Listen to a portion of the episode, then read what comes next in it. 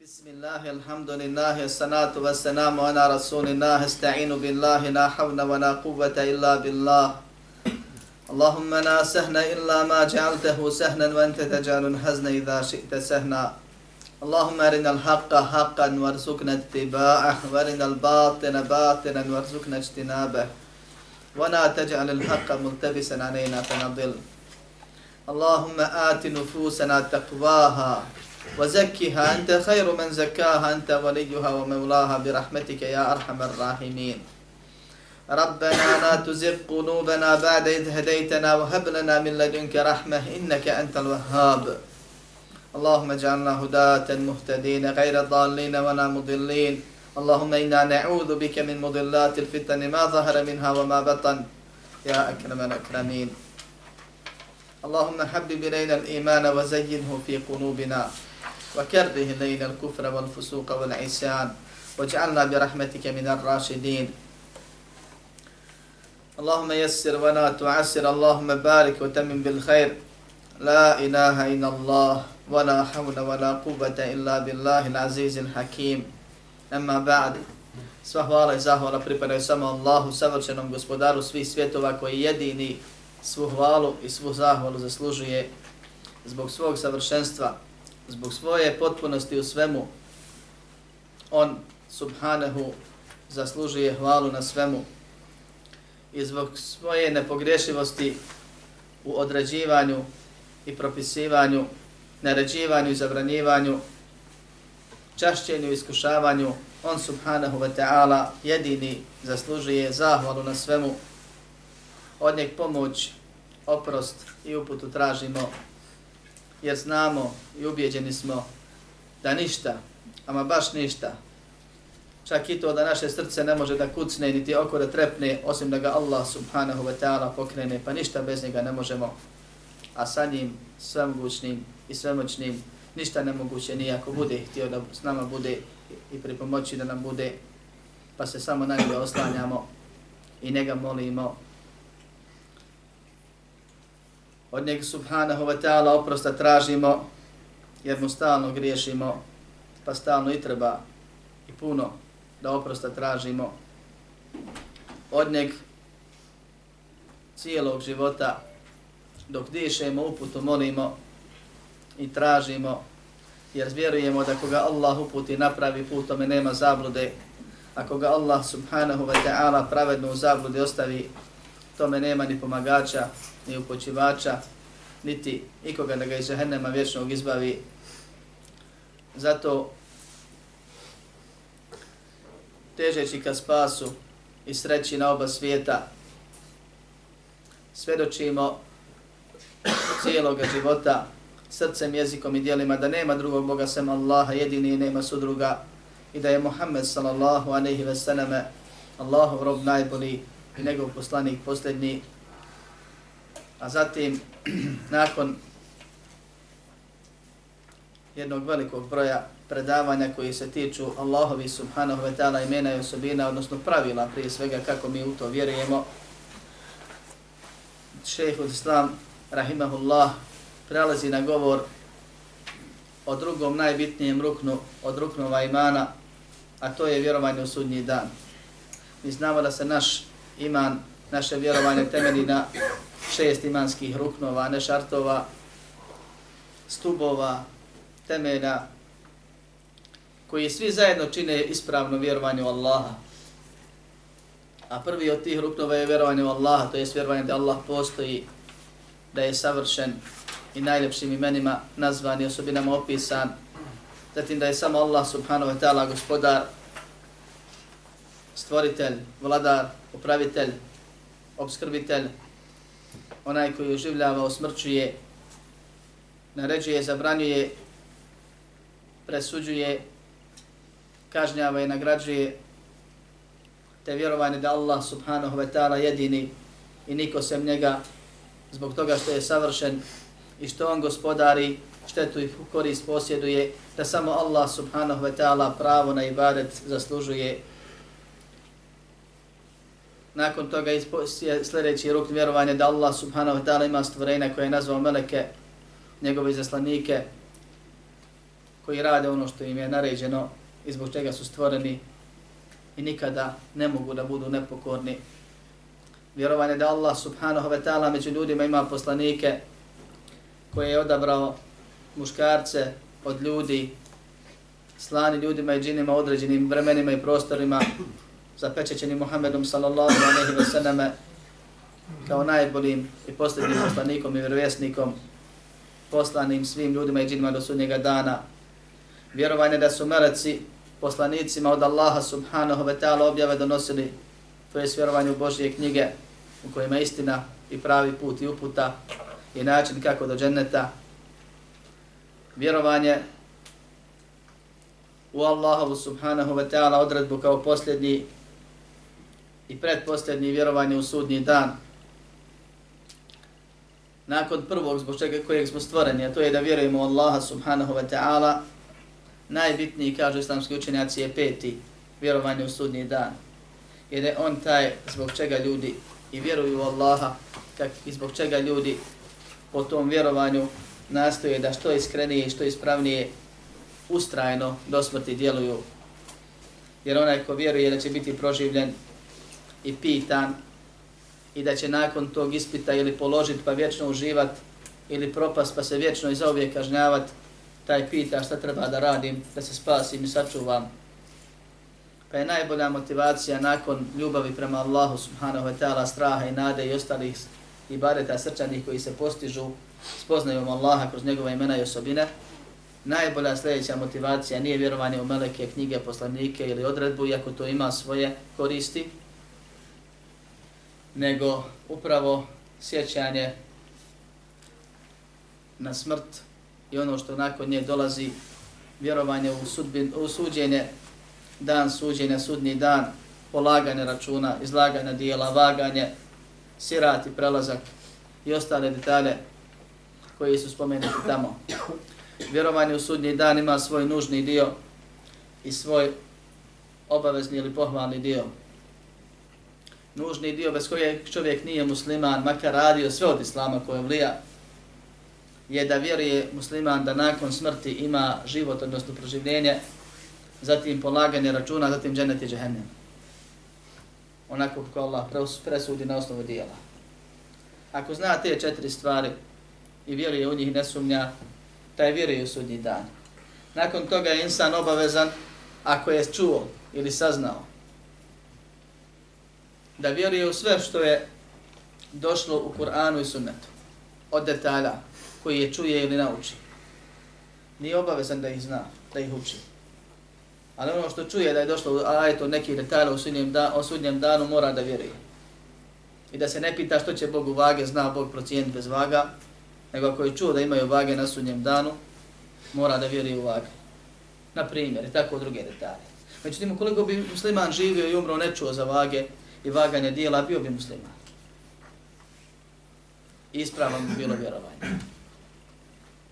I drugih detalja, mnoštvo što ima, koji su opisani uglavnom vjerodostojnim hadisima, vezani za kaburski život, život u Brzahu, iskušenje, nagrađivanje, kažnjavanje u kaburu, kakvoća, stajanja, iskupljanja na sudnjem danu, proživljenja, vaganja, izlaganja dijela, stvari koji se nalaze na sudnjem danu, izgled mjesta skupljanja i ostali detalji, to su pohvalne stvari u koje musliman, ako kažem, čuje hadis i ajet, mora da vjeruje, a ako umre bez toga, vjerovanje mu je ispravno. U vjerovanje u sudnji dan, kao što kaže šeho l'Islam ibn Taymiye, spada u vjerovanje u sve ono što je obavijestio poslanik sallallahu aleyhi ve selleme od onoga što dolazi nakon smrti. I ova rečenica će biti predmet komentarisanja večerašnjeg, ako Bog da, predavanja. Prije toga želim spomenuti jednu stvar.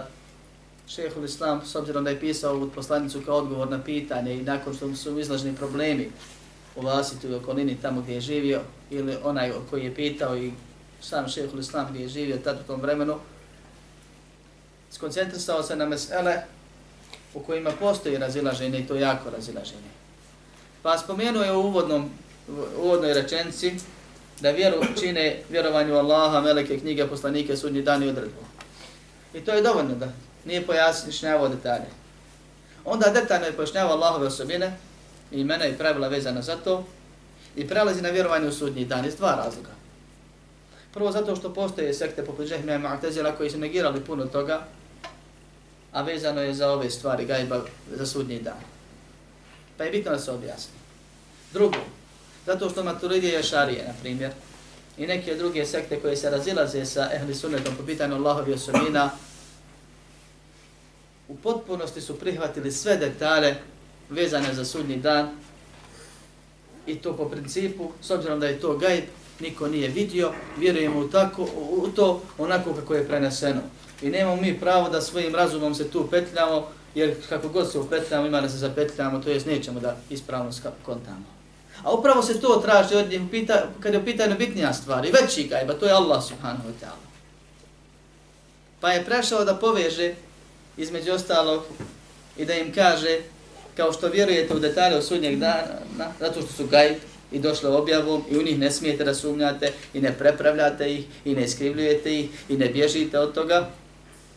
I razumski vam je dokučivo to da one nešto prihvatite onako kako jeste bez uzlaska u kakvoću, preče bi bilo da ono što je bitnije, a to je Allah subhanahu wa ta'ala iz ono s čime se on upisao i nazvao, da ste prihvatili tako. Pa kad možete ovdje, kad je ovo razumski prihvatljivo, onda ne podaju vam svi oni argumenti prije gdje ste govorili da se to kozi s razumom, da to ne može biti nepoređenje, nego mi moramo to negirati koji ne bi upali u poređenje i tako dalje i tako dalje. Kaže šehhul islam mi te imijevo minal imani bil jevmil ahir, od vjerovanja u posljednji dan, sudnji dan, zbog njegove bitnosti. Ima mnoštvo naziva u Koranu i sunnetu. Svaki od tih naziva je opisni. Govori o nekom detalju koji ga opisuje. Kod nas je poznat sudnji dan i to je jedan od najbitnijih naziva za insana. Dan kad će biti suđenje. Poznato je kao kijamet. Iako se kod nas kijamet prevodi kao svijeta, kijamet je ustavac prijama, što je stajanje. To je dan kad će ustati ljudi stajati pred Allahom subhanahu wa ta'ala, čekati da im dođe da ih presudi poznat je kao sa'a ili smak svijeta. U arapskom jeziku, u Kur'anu, sunnetu. Ili ono što mi zovemo kijametom.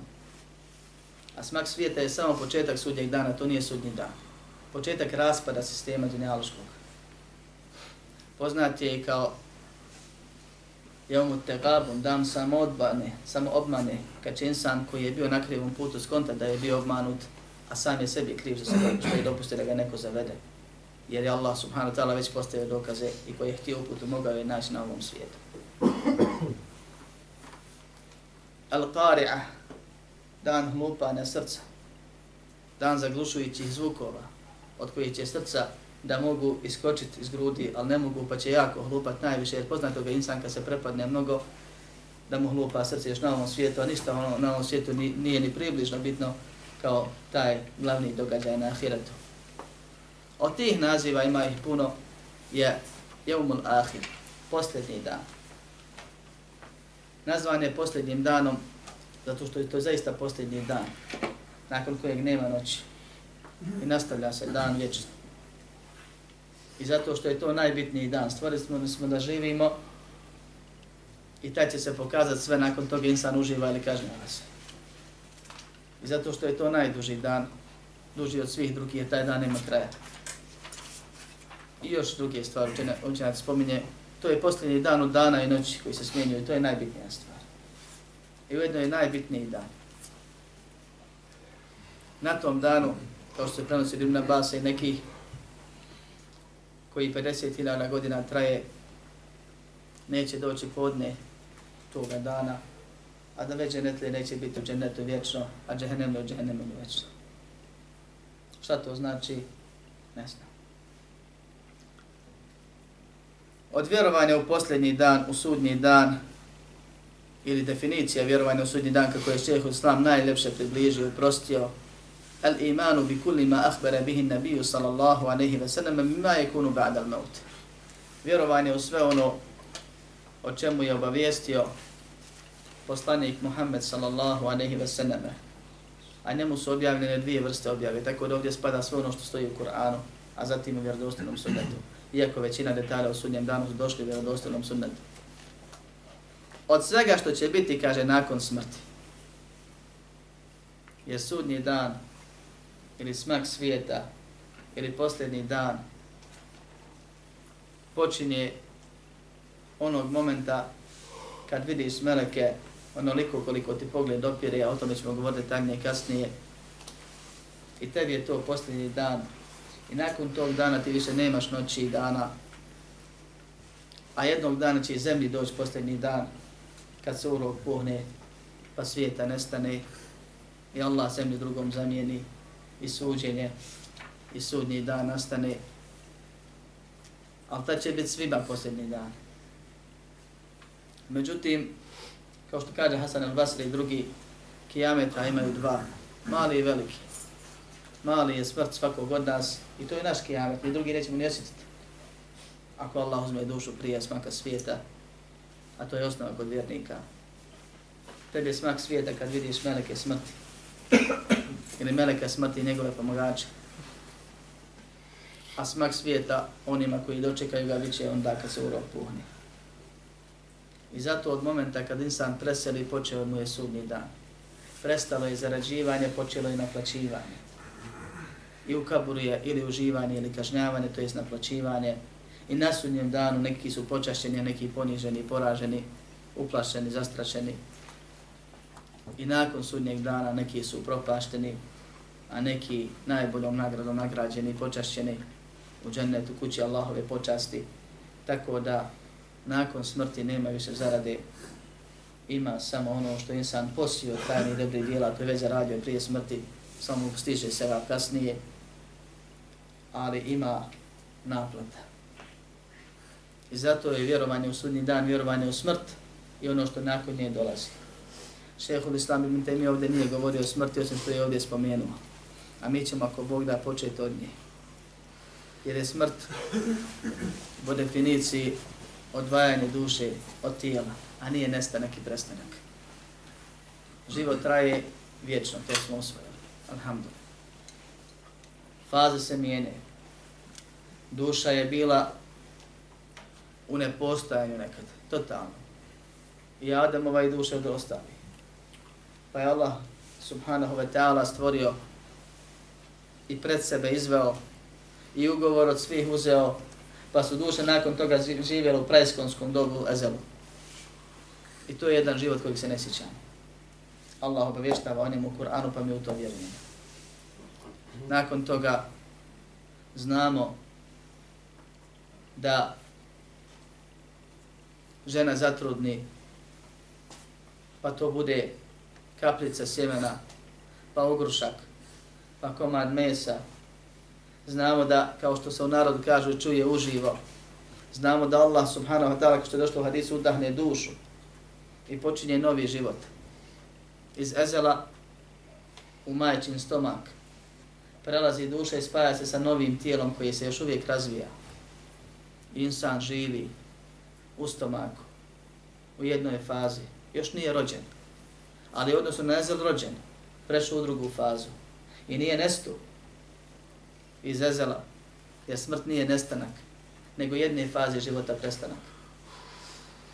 Zatim izlazi na ovaj dunjaluk onda kad Allah odredi i počinje novi dunjalučki život sa svim svojim fazama i traje do eđela. Ne do određenog broja dana ili godina, nego do tačno određenog vremena koji se ne može pomjeriti ni naprijed ni nazad, ni ubrzat, ni odgoditi kao što Allah subhanahu wa ta'ala kaže na više mjesta u Kur'anu. Allah subhanahu wa ta'ala na ovom životu je odredio smrt svakome. I mjesto i vrijeme umiranja svakome. Ne može se izbjeći. Ejnema tekunu yudrikumul maut. Gdje god budete, smrt će vas naći. Li kulli ummetin ajal. Svako ima određen ajal kraj. Fa idha jaa na la yastaqdimuna sa'ata wa la yasta'khirun. Kad dođe ajal kao što jednom daje da mnogi ima raspored promijenjen. Ne mogu kaže ni ubrzat ni odgoditi. Pa se ni mjesto ni vrijeme smrti ne može promijeniti. A kamo li da se smrt izbjegne? Smrt je čaša iz koje su pili svi oni koji su otišli, iz koje će piti svi oni koji su sad živi i koji će doći. I nema duše insanske, džinske ili hajvanske, sve što se dušom zove, a da neće smrt okusiti. Smrt nije nestanak, a mnogi bi voljeli da je nestanak i totalnog života prestanak. Jer će nevjerni kad vidi kako su životinje prošle, kojima će nakon proživljenja doći konačni nestanak, kad ih Allah u, u, u prašinu pretvori, reći će čafir, kao što kaže Allah u Kur'anu, وَيَقُولُ الْكَافِرُ يَا لَيْتَنِي كُنْتُ تُرَابًا Reći će nevjerni da sam Bog dom i ja prašina postao. Jer znaš šta ga čeka. Ali naša smrt, pogotovo smrt ljudi i džina, je prelazak iz privremene u konačnu vječnu fazu. Smrt nije izbjegao ni najbolji, ni najgori. I ne može je izbjeći. Ono što može znat je da je smrt opomena koji se mora često insan sjećati. Kaže Allahu poslanik sallallahu alaihi ve sallam te dekeru hadim al ladzat. Sjećajte se onoga što prekida sve užitke. Na čemu god da si bio, prestaje. Sve što imaš, iza tebe ostaje. Što da se sjećamo, da se plašimo, da ne uživamo ovome što sad imamo ili ima neki cilj? Da se zato pripremimo. Jer smrt je nagovještaj onoga što dolazi, a to je suđenje. A suđenje nije cilj samo po sebi, nego da se nagradi insan ili kazni. Da najvećom pobjedom pobjedi ili najgori poraz doživi. I zato gospodar svjetova nas poziva u nekoliko ajeta od kojih je za ovu, da ovaj dio što sam spomenuo, najbitniji sljedeći, ti Allah uzvišeni kaže Kullu nefsin dha'iqatul maut Svačija će duša okusiti smrt. Wa innama tuwaffawna ujurakum yawma al-qiyamah I zaista ćete na sudnjem danu svako će u potpunosti dobiti platu svoju ili plate vaše. I to je cilj. Nakon toga stedi ili uspjeh ili propast. فَمَنْ زُحْزِحَ عَنِ النَّارِ وَأُدْخِلَ الْجَنَّةَ فَقَدْ فَازِ Ko bude od vatre udaljen i u džennetu veden, taj je pobjedio. Dvije stvari. Džehennem izbjeć, pa u džennet uveden bit. Ne ući, nego uveden bit. وَمَا الْحَيَاةُ الدُّنْيَا إِلَّا مَتَاعُ الْغُرُورِ A šta je dunjaločki život osim prolazno, varljivo naslađivanje, kaže Allah subhanahu wa ta'ala, onaj koji ga je stvorio, koji ga najbolje poznaje. Pa je cilj sjećanja na smrt i slušanja o smrti, priprema za nju i za ono što nakon nje dolazi. Isključite.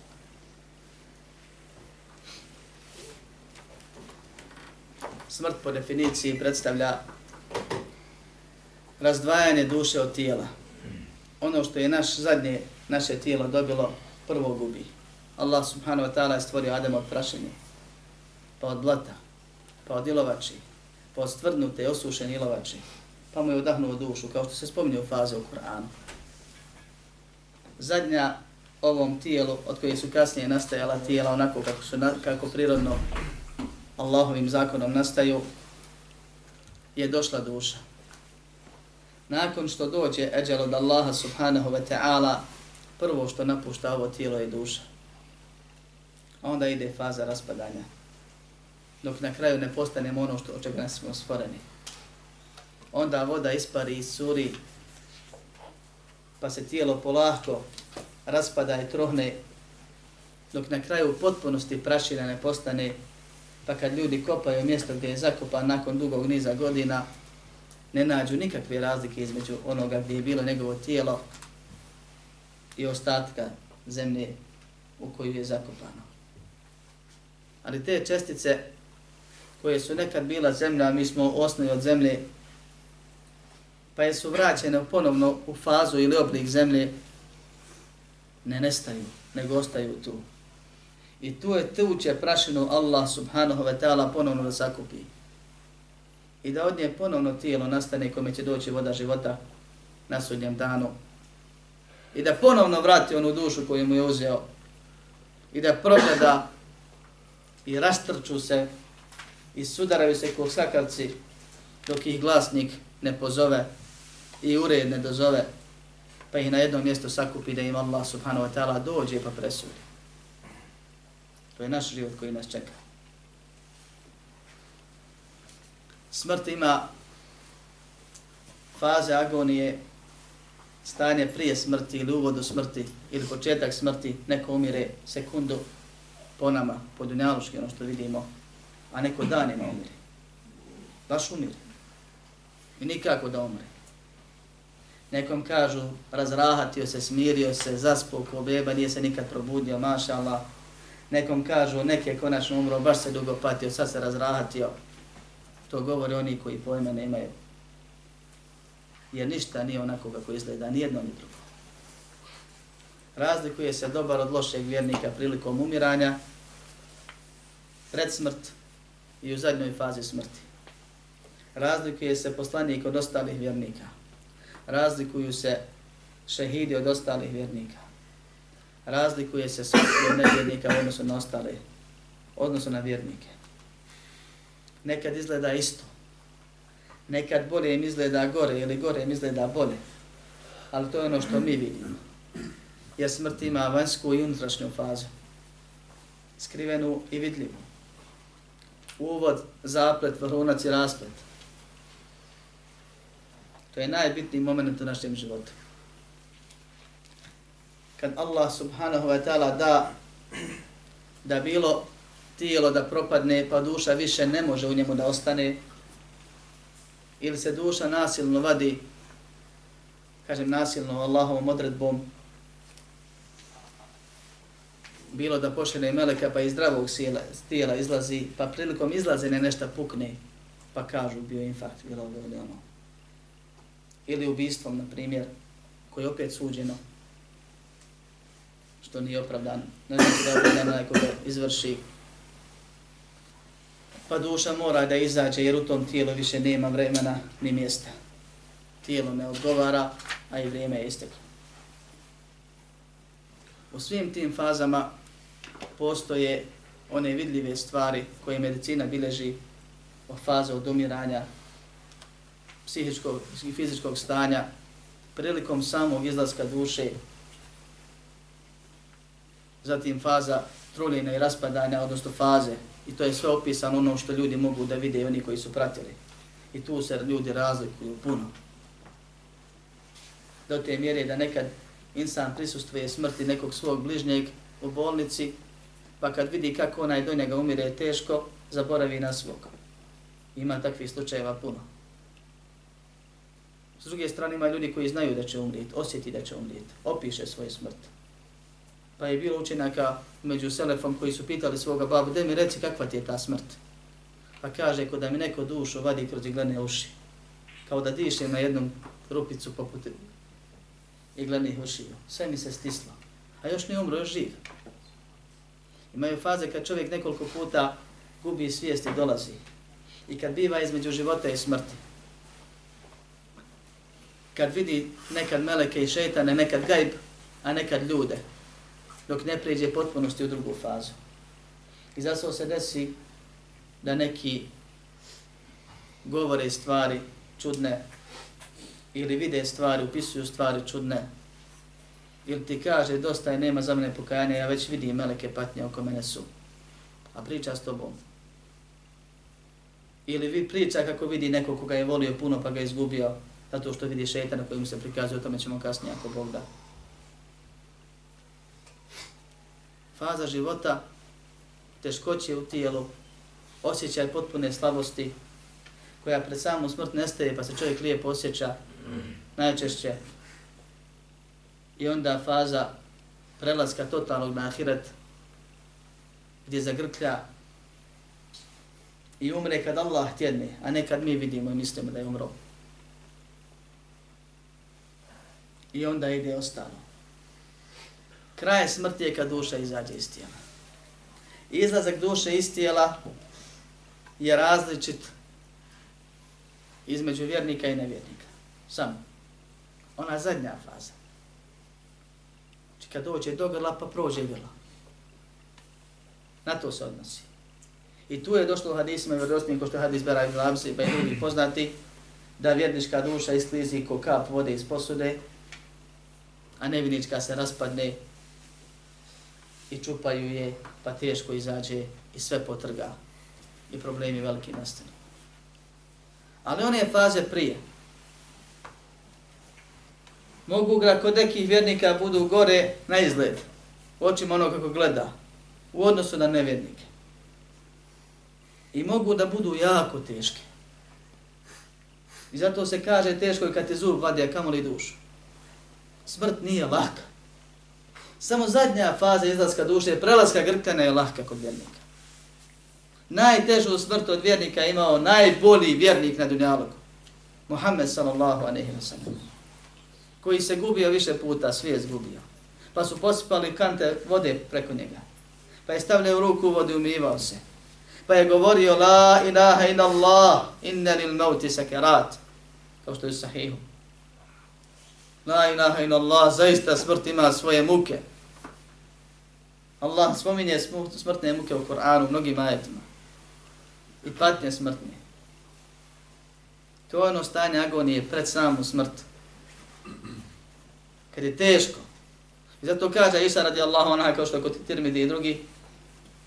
Nakon što sam vidjela smrt poslanika sallallahu alejhi ve sellem, nikome više ne zavidim na lahkoj smrti. Jer to nije znak da je dobar ako je lahko preseljeno, lahko u našim očima.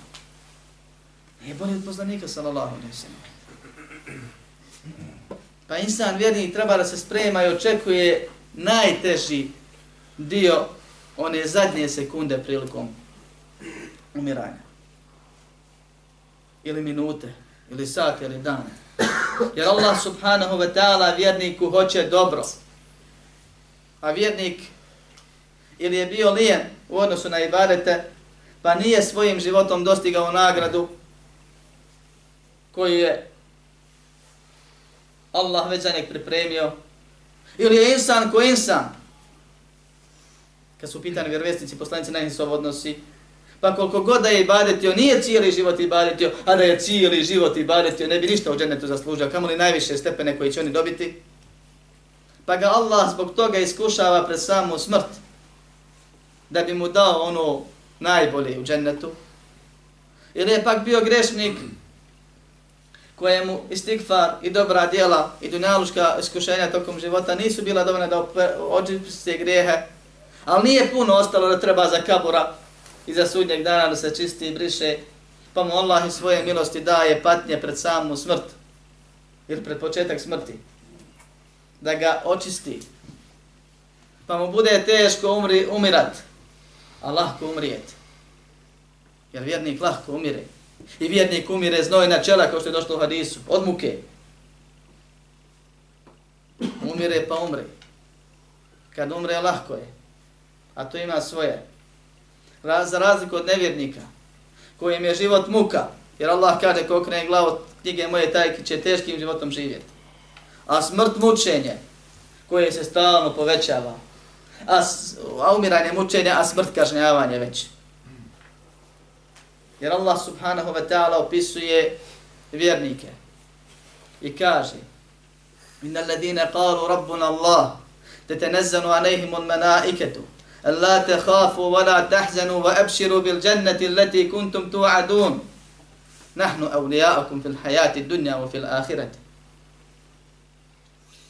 Oni koji kažu naš gospodar je Allah zatim ustraju kažu Ešhedu an la ilaha ila Allah, Ešhedu anna Muhammeden Rasulullah, znaju šta to znači, znaju šta su obavezali, znaju koji su amanet ponijeli, potom djeluju, potom rade, zato se žrtvuju i do smrti ustraju. Allah šare meleke, kao što je došlo u hadisu da jedni i drugi, vjernici i nevjernici, vide meleke onoliko koliko im pogled opire. Samo jedni vide meleke milosti.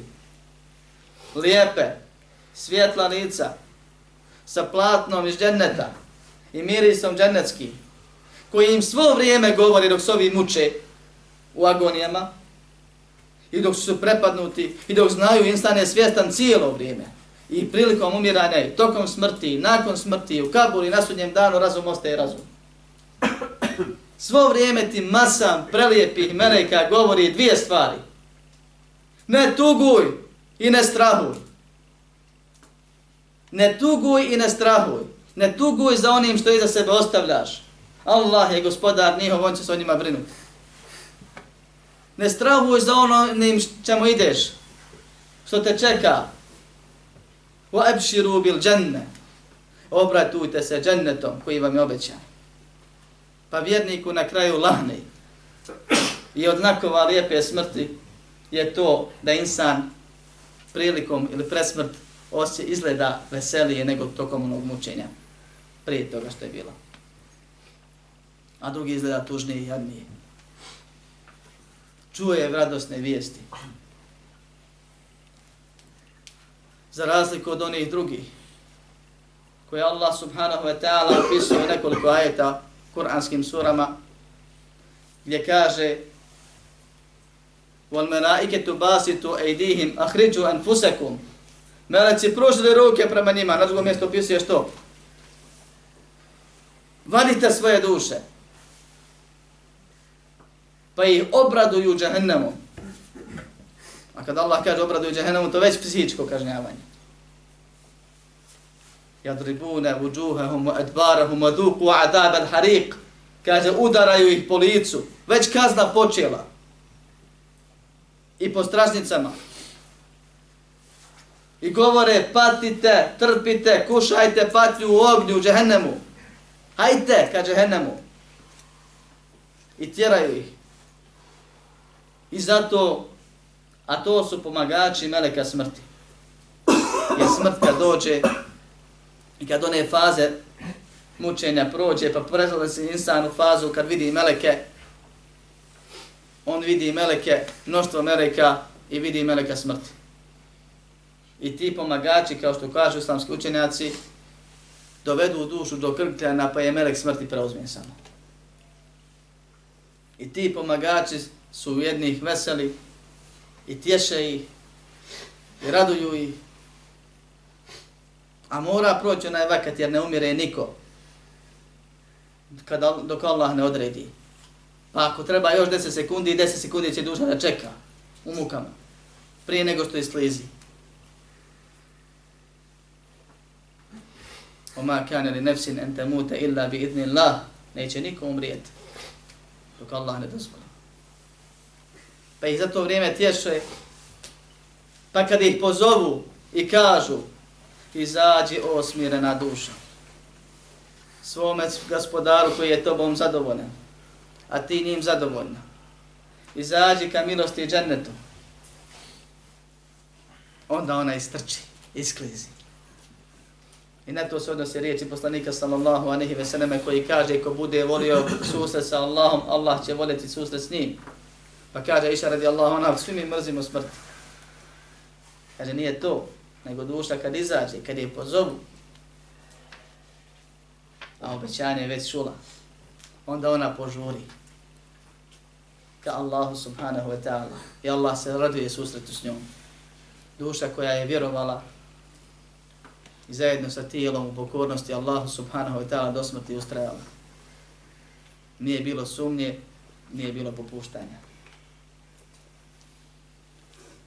Za razliku od onih drugih kojima meleci prijete džahennemom i tuku ih, pa se oni muku, muče iskaču i organ gutaju i kajševe trgaju kojima su vezani, što su imali priliku neki od nas vidjeti. I na kraju u bolnim krikovima umiru i prestaje ono što se na dunjaliku vidi je počinje ono što je gore i teže. Jer je došlo u hadisu da se tad kad je pozovu i kažu izlazi pogana dušo, Allah sačuva. Svom gospodaru koji je srdit na tebe, izlazi džehennemu, patnji u ognju. Došli su različiti izrazi još i prijetnje u hadisima, da se duša ostraha raspadne u milion komadića. Pa je onda vade jedan po jedan komad. I čupaju kao što češljem se čupa mokra vuna. Ne možeš izvaditi, ne možeš očešljati. Možeš samo potrgati. Pa se sve potrga i raspadne. raspadne. Dok duša ne izađe. A kad izađe, stavlja se na džehennemsko platno i onda ide ka se džinu da se upiše u registar vječnih džehennemija. Za razliku od dobre duše kad ide ka ildi djunu. Pa kažu, kao što je došlo u jednoj predaji, kad se duša penje ka nebu, dobra duša, miriše na sve strane, pa kog, pored koga god prođe od meleka ili vjerskih, vjerničkih duša, pitaju čija je ovo dobra duša, pa se kaže to je duša tog i tog. Pa se kaže skupe na jednom mjestu kad bude prolazna pored mjesta gdje boravi duše vjernika. I pitaju je prvo ko si, šta si, a zatim gdje je ta i taj, šta radi taj i taj. Pa i, i, ili obavijesti ako je neko koji je ostao iza njih, ili pita, a zar nije kod vas? Pa svi shvatije da je u džahennem. A ne znaju da te. Pitaju za neko koji je umro prije njega. Dok nevjerničku vode kasidžiru na dno dna gdje god to bilo i upisuju dole i zatvaraju i tu će se posle vratiti u kabur i u verzah da se vječno pati, o tome ćemo kasnije govoriti. Duša prije nego izađe, insan dok je u onoj polusvijesti vidi dvije stvari. Vidi meleke, a kasnije pravo vidi prepusti se njima i izgubi kontakt sa ovim svijetom i vidi šeitana koji mu se prikazuje nekad u ovom, nekad u onom liku. Nekima od njih, kao što kaže šehr Islam, da im je izlaže vjere i nudi im vjere razno razne religije, kako bi ih odvojio s pravog puta, zadnja prilika. Nekima se pretvara u liku nekoga ko voli pa ga zabavlja i nešto mu spominje, nekog podsjeća na nešto od Dunjaluka, pa ima ljudi koji do kraja svog Dunjaluskog života, do zadnje sekunde oporučuju bezvezne, bezvrijedne stvari. Sjeti se šta god je kome šta posudio i napominje ga da vrati mojoj porodici, nemoj da zabušiš. Pa nabraja merdevine, tavulu. Poznati slučaj, mislim, na, i tako nabraja neke stvari koje su nebitne, bezvrijedne. Znaš ovo ili ono, vrati. Znaš ovo ili ono, vrati. Pazi, nemoj među, tu je jabuka granica i druge stvari sve dok ne preseli i zaboraviš da izgovori la ilaha illallah. Neki odvodi i navodi izvjere ili na grije, makar presmet. Pa Abdullah ibn Ahmed ibn Hanbal, sin od Ahmed ibn Hanbala, učenjak, sin učenjaka, radijallahu anhuma i rahimahum Allah, kaže, kad je moj babo preselio, nekoliko puta je svijest gubio i kad se vratio, kad bi se došao sebi, svaki put bi rekao, ne još, ne još. A u tom momentu su oni radili ono što je propisano, podsjećali čovjeka na la ilaha illallah. I to što je učenjak ne znači da je dženetlija. Dženetlija je onaj kome je Allah obećao dženetlija. Za života, zašto imamo dokaz. Za ostale se nadamo. A i nek treba posjećati, da što imamo ehli su na to akidi bio. Pa samislite senu učenja ako govoriš reci la ilaha illallah, on govori ne još. Pa jednom kaže, kad je došao sve, pitao sam ga, babo, šta ne još? Kaže, vidim šetana kod mojih nogu kako grize svoje prste. Glumac. I govori, pobjedio si Mahmede, pobjedio si me, rekao sam ne još. Kad preselim onda. Makar te tad navede da se makar uzoholi s malo, kaže, jesam ne rob ostaje rob. I robuje Allah dok mu ne dođe jeklin, to je smrt. Onda kad prestajete oba, kad kaže poslanik sallallahu sallam, inna Allah la yakbaru taubatan abdi manan je yugargir. Allah prima te ovu pokajanje od roba sve dok ne zagrklja. Gdje dođe do grklja. Onda je gotovo. Pa na razne načine i u raznim likovima dolazi i znajući svako kako funkcioniše i gdje je najslabiji, pokušava i kaže se da skupi svoju ekipu i kaže im sad je najbitnije, ako nam sad ode, nećemo ga više stići. Pa insan mora da bude na oprezu kad je upitan otvoreni na neprijatelj dok, dok je živ, dok je živ na ovom svijetu, dok melek ne izvadi dušu. Sve dok može da razmišlja i dok ga vidi, a tad je insan najosjetljiviji i najranjiviji s druge strane, mora da se pazi. Od propisa vezanih za ovo koji se tiču svakog od nas posebno, je zato smo stvoreni, po tome živimo i na tome trebamo da preselimo, je da je sunnet da insan izgovori la ilaha ila Allah, Muhammedur Rasulullah, da mu to budu zadnje riječi, jer Allah obećava na jeziku svog poslanika Muhammeda sallallahu alaihi ve sallam, džennet onome ko to kaže, i sunnet je da se takvi postiču i nema smeti da mu se kaže reci la ilaha ila Allah, jer neki mezhebi tvrde da treba indirektno govoriti i, i lakat pored njega i tako, ne smeta, jer ti njega kad bi tjerao, ako Allah ne bude dao, neće ga natjerati. I zato ljudima govoriš, reci la ilaha illallah, on ti oporučuje tamo nešto lijevo, ili pjeva, ili radi ono na čemu je živio. A drugi sam zikri dok ne preseli trećih šetan ili nešto malo zavede, pa čim čuje da neko ilače što bi rekli kod nas, ili da mu kaže, reci on odmah govori i na kraju Allah da, kad se trudi da preseli sa la ilaha illallah. Pa je sunnet da nas se postiče na ono što je najbitnije. I opet je ovdje fajda i korist o vrijednosti tevhida i riječi tevhida i znanja o tevhidu, jer same riječi plaho ne koriste. I desi se da ljudi koji nisu uvjeri, izgovore ih i neće mu koristiti, zaba što su mu zadnje riječi bile. Kao što ovi nisu onima koji su činili širk na dunjalku koristile dok su činili širk i negirali ih nego insan treba da uči vjeru i vjerovanje posebno i da razumije. Ahmedu fintu smo vidjeli kroz priču koja nam je ostala. Ne znamo na koju će fintu nas šeitan pokušat prevariti. Ali sve su vezane za vjeru. Ako znaš šta je tvoja uloga na ovom svijetu, ako znaš granicu prema gospodaru koju ne smiješ prijeći, neće te moći navući da uradiš nešto što nije u redu. A ako ne znaš, a tad ti je najpotrebnije, zaslamku se hvataš i on ti se prikaže ko baba vlija, ili ko ne znam nija neko, a ti ga poželio i misliš došao Allah ga poslao da te pomogne, pa te može da navuče, čak izvjere da izvede pred samom smrti. Da Allah sačuva. Jer meleci postiču one koji su bili čvrsti, ispretni, la ilaha ilallah, znaju šta znači i ustraju na tome. Za njih je došlo da dolaze radosne vijesti dok oni koji su i tamo i vamo, koji sumnjaju, takvi su izločeni šetanu, pogotovo presmrt, jer su ga slijedili prilično dobro za života, i takvi su najpreći da u kaburu, kad ih meleci budu pitali tri pitanja, kažu, ah, ah, ne znam, čuo sam ljudi da govore, pa sam govorio.